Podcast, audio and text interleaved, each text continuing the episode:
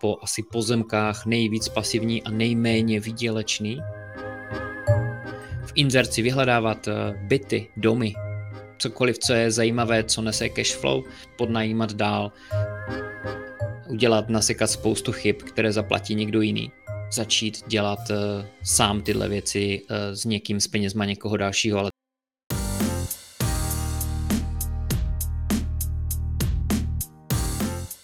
Stanislav se ptá, jak začít nebo jaký mám možnosti, a vím, že jsem mladý a mám jich hodně, jak se pomalu, ale jistě k těm bytům dostat. Rád bych s vámi spolupracoval, ale nechci být omezován penězi a doufám, že je nějaká cesta. Děkuji moc a přeju hezký večer.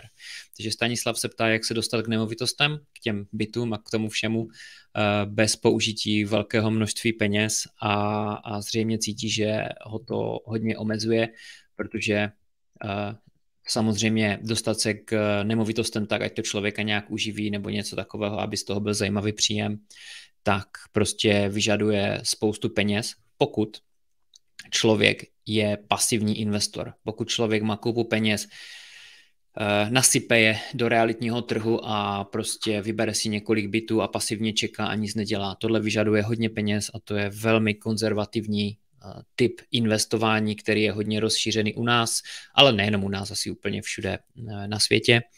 Každopádně je to ten pozemkách nejvíc pasivní a nejméně výdělečný eh, typ investování do nemovitostí, kde mám koupu peněz, nasypuje tam a prostě čekám, až uh, trh vymyslí, až trh se prostě pohne dál, nevymyslí, ale až se pohne dále, ceny uh, vzrostou a nájem se zvedne a potom můžu začít vydělávat víc a víc peněz, ale trvá to uh, strašně, strašně dlouho. Pak jsou tady další možnosti. Pak jsou tady další možnosti, ty vám tady teďka nastíním a jedna z těch možností je dělat rent to rent, to znamená zajišťovat v inzerci, vyhledávat byty, domy, cokoliv, co je zajímavé, co nese cash flow, v zajímavých lokalitách, domluvit se s majitelem nemovitosti a tu nemovitost podnajímat dál. Třeba pokud jde o byt v zajímavé lokalitě, nemusí jít o města, jako je Brno, Praha, nebo i v Ostravě to funguje. A, a i v jiných městech, spoustě měst České republiky, možná téměř úplně všude, kde jsou hotely, ubytovny, tak tam to bude fungovat taky.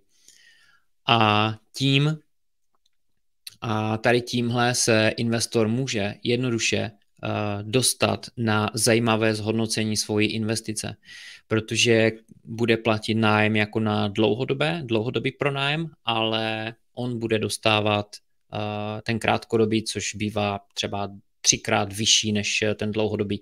A když si to manažuje celé sám, tak může přijít na zajímavé peníze. Může si přijít na zajímavé peníze. Je to samozřejmě riskantnější, není to investice jako taková, je to spíše podnikání realitní, ale když někdo prostě nemá peníze, tak je to jedna z eh, cest, jak se dostat k nemovitostem a pomaličku si vybudovat polštář finanční a pomaličku začít opravdu třeba pasivně investovat do těch nemovitostí a ukládat ty peníze do těch eh, realit a opravdu je nakupovat. A tím třeba i ten business ex, uh, nějakým způsobem nakopnout. Tak jsem to dělal i já. První čtyři roky podnikání jsem tohle dělal v Británii a potom jsem některé nemovitosti koupil a ty jsem pak zpětně pronájmu svému biznisu, takže ještě více jsem uh, umocnil právě, právě to, že uh, ten vlastně biznis vydělal ještě víc, protože jsem nemusel nikomu dalšímu platit nájemné, ale splácel jsem s tím hypotéku a pak sobě samému. Tohle je jeden ze způsobů. Těch dal, eh, další může být, že najdeš si svého investora, může to být třeba někdo z rodiny, ale pokud nemáš žádné zkušenosti s nemovitostma, tak bych tohle úplně nedoporučoval, protože ty vlastně tobě někdo věří, tebe někdo věří, někdo z blízkých dá ti peníze a ty se teprve začneš učit. To není úplně asi ideální cesta, spíš je lepší se naučit někde jinde, udělat, nasekat spoustu chyb, které zaplatí někdo jiný. Třeba můžeš být jako zaměstnanec nebo můžeš pracovat jako třeba realitní makléř a potom začít dělat uh, sám tyhle věci uh, s někým, s penězma někoho dalšího, ale tady doporučuji opravdu mít uh, větší, větší zkušenosti. Další možností je třeba zrovna ten realitní makléř, kde člověk se může dostat k nemovitostem, zajímavým nemovitostem a mezi tím je v tom trhu, vydělává vlastně na tom trhu jako takovém, protože vlastně realitní makléři na tom nevydělávají.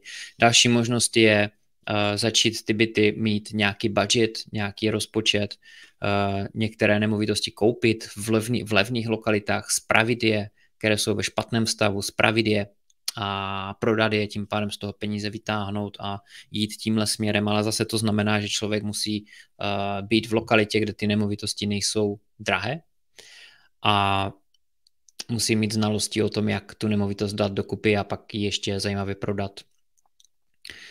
A jaké můžou být další možnosti? Další možností může být zpráva nemovitostí. Eh, obvolat třeba realitní kanceláře, obvolat eh, majitele nemovitostí a nabídnout zprávu nemovitosti třeba za 10% eh, z nájmu, že ten majitel té nemovitosti se o to vůbec nemusí starat. Další věc je garantovat ten nájem tomu majiteli. To znamená, je to obdoba toho prvního úplně garantovat někomu nájem a sám si tam dosadit svého zákazníka, svého nájemce. Takže tohle jsou možnosti, jak se dostat k nemovitostem bez toho, aniž by člověk potřeboval mít eh, vysoký kapitál na začátku, může být velmi, velmi nízký, neli nulový.